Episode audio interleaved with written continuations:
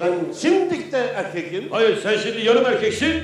Kesilince tam erkek olacaksın. Olmaz ben şimdi tam erkekim. Ne zaman kesiliyor yapım oluyor. Sırası sırası sırası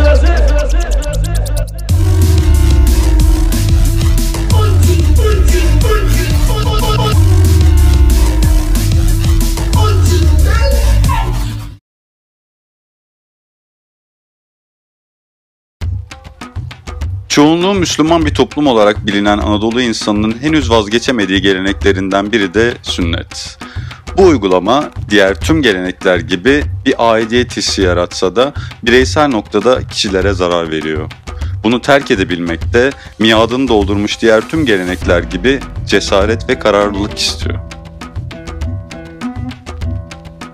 Ve Müslüman bir toplum olarak tanınan Anadolu insanı şu ayrıntıyı da hala gözden kaçırıyor.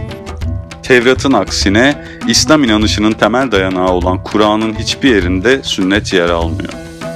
Ancak Kur'an'da sıkça kitabın ayrıntılı, kusursuz ve eksiksiz olduğu, herkesin anlayabileceği biçimde yazıldığı ifade ediliyor.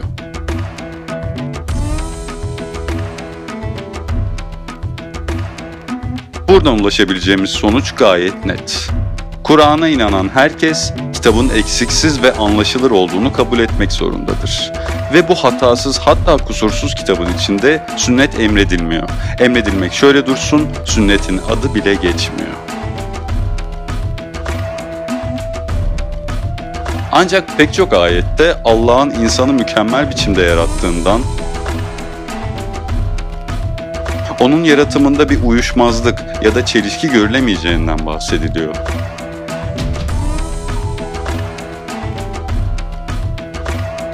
Şu halde kendisini Müslüman olarak tanımlayanların bir erkek çocuk doğduğunda "Cık, bu olmamış, pipisinin ucundaki deriyi kesin demesi bana biraz cüretkar geliyor. İnandığını iddia ettiği kitapta defalarca Allah her şeyi kusursuz yarattı yazsa da erkek çocuklarının kusurlu yaratıldığını düşünmek ve yanlış yaratılmış bir şeyi düzeltmeye karar vermek İslam terminolojisinde küfre karşılık gelir. Öte yandan kutsal kitap dışında hadisler ve İslam araştırmacılarının yorumları incelendiğinde hem sünnet yanlısı hem de sünnet karşıtı pek çok sonuca varılabilir. Bu sonuçların hepsine birden bu kanalda yer vermeye kalkarsam sonraki 20 videoyu falan İslam'da sünnete ayırmak zorunda kalabilirim. O yüzden sünnetin İslam'daki yerini daha detaylı inceleme işini Müslüman anne babalara bırakıyorum. Sünnet konusu her açıldığında din özgürlüğü ve çocuğun seçim yapma hakkı arasında bir çatışma doğar. Öte yandan herkesin dini inancı kendisini bağlar. Evet aileler çoğunlukla kendi dini inançlarını çocuklarına da aşılarlar. Ancak bunun da bir sınırı vardır ve o sınır çocuğun beden bütünlüğüdür. Kendi bedenimiz üstünde din gereği olsun olmasın istediğimizi yapabiliriz.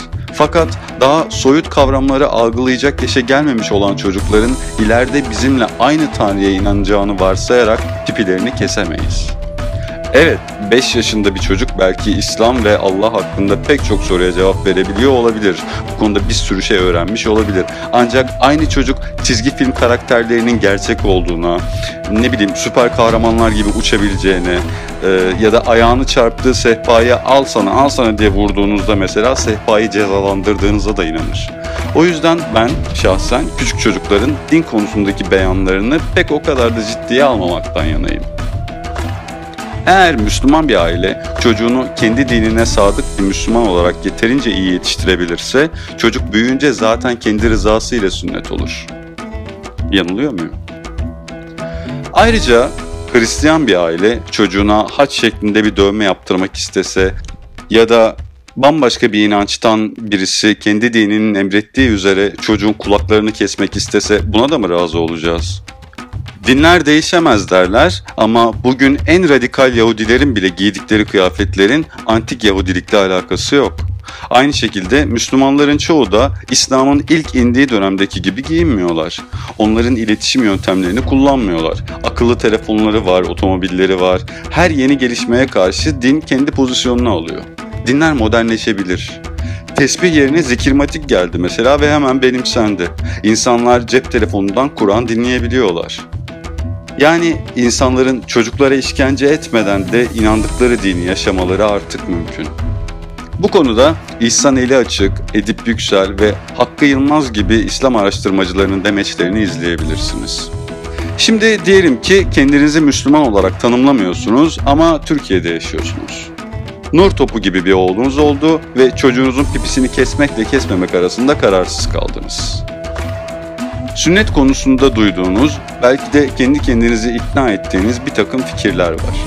Gelin bu mazeretlere tek tek bakalım ve nasıl karşı çıkabileceğimize dair birkaç örnek verelim. Dini nedenlerle sünnet yaptırmayan ailelerin karşısına bu kez de kültürel nedenler ve toplum baskısı çıkıyor. Toplumun dayattığı mazeretlerin bazıları şöyle. Daha temiz. Hayır daha temiz değil. Yani ellerimizi, ayaklarımızı nasıl yıkıyorsak e, cinsel organlarımızı da aynı şekilde yıkıyoruz. Kadınlar nasıl cinsel organlarını temizliyorlarsa erkekler de cinsel organlarını temizleyebilirler. Daha güzel görünüyor. Bu tamamen kişisel bir bakış açısı. Yani aynı şeyi kadınların cinsel organı üzerinden düşünürseniz ne kadar korkunç bir bakış açısı olduğu daha da netleşiyor. Herkes yapıyor. Burada çoğunluğa güzel görünme çabası var ama siz herkes gibi olmayın. Daha iyi olun. Küçükken daha kolay yapılıyor. Bütün operasyonlar bebekken daha kolay yapılır çünkü iyileşmesi gereken daha az doku var. Bu sünnet etmek için yeterli bir argüman değil. Ayrıca gerekli görülen durumlarda yetişkin sünneti de artık sorunsuzca yapılabiliyor. Sünnetsiz penisin bakımı zor. Artık değil çünkü sabun icadı oldu. Ayrıca bebek ve çocuklarda penisin yalnızca görünen kısmı temizlenir. Ee, nasıl kız çocuklarının cinsel organlarının yalnızca görünen kısmı temizleniyorsa.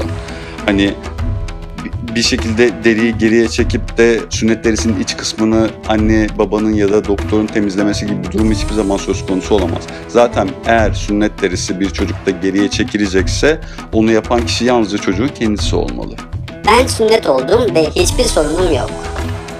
Sünnet operasyonundan sağ salim kurtulmuş bir bireyden bahsediyoruz ve kaybettiği deri hassasiyetinden tamamen habersiz. Doktorlar yapıyor. Tıbben tavsiye ediliyor. Doktorlar tarih boyunca mesela aşırı hareketli çocukları sakinleştirmek için eroin, afyon ve Hint kenevir gibi maddelerle şurup yaptılar. Psikolojik rahatsızlık tedavilerinde kokain kullanıldı. İktidarsızlık sorununun çözümü için elektrikli kemerler icat edildi. Yani tıp paylaştığım 3. videoda da belirttiğim gibi bilimsel bir alan ve sürekli değişmeye mahkum. Diğer oğlanlara benzemeyecek.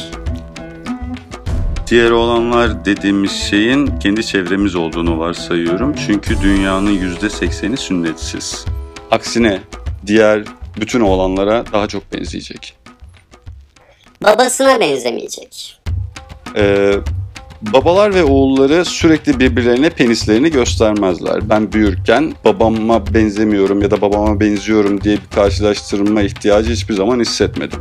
Ayrı zamanda babanın yüzünde bir kesik olsa mesela babasına daha çok benzesin, onun oğlu olduğu anlaşılsın diye çocuğun yüzünü de mi keseceksiniz? Küçücük bir parça fazla ya da atık deri kesiliyor. Çocukken küçük olan parça büyüyünce çok daha geniş bir alana sahip oluyor ve sünnet derisinden daha sonraki videolarda bahsedeceğim. Ancak burada insan bedeninin doğuştan kusurlu olduğu varsayımı var. Ameliyat da ayrıca önemsizleştirilmiş oluyor.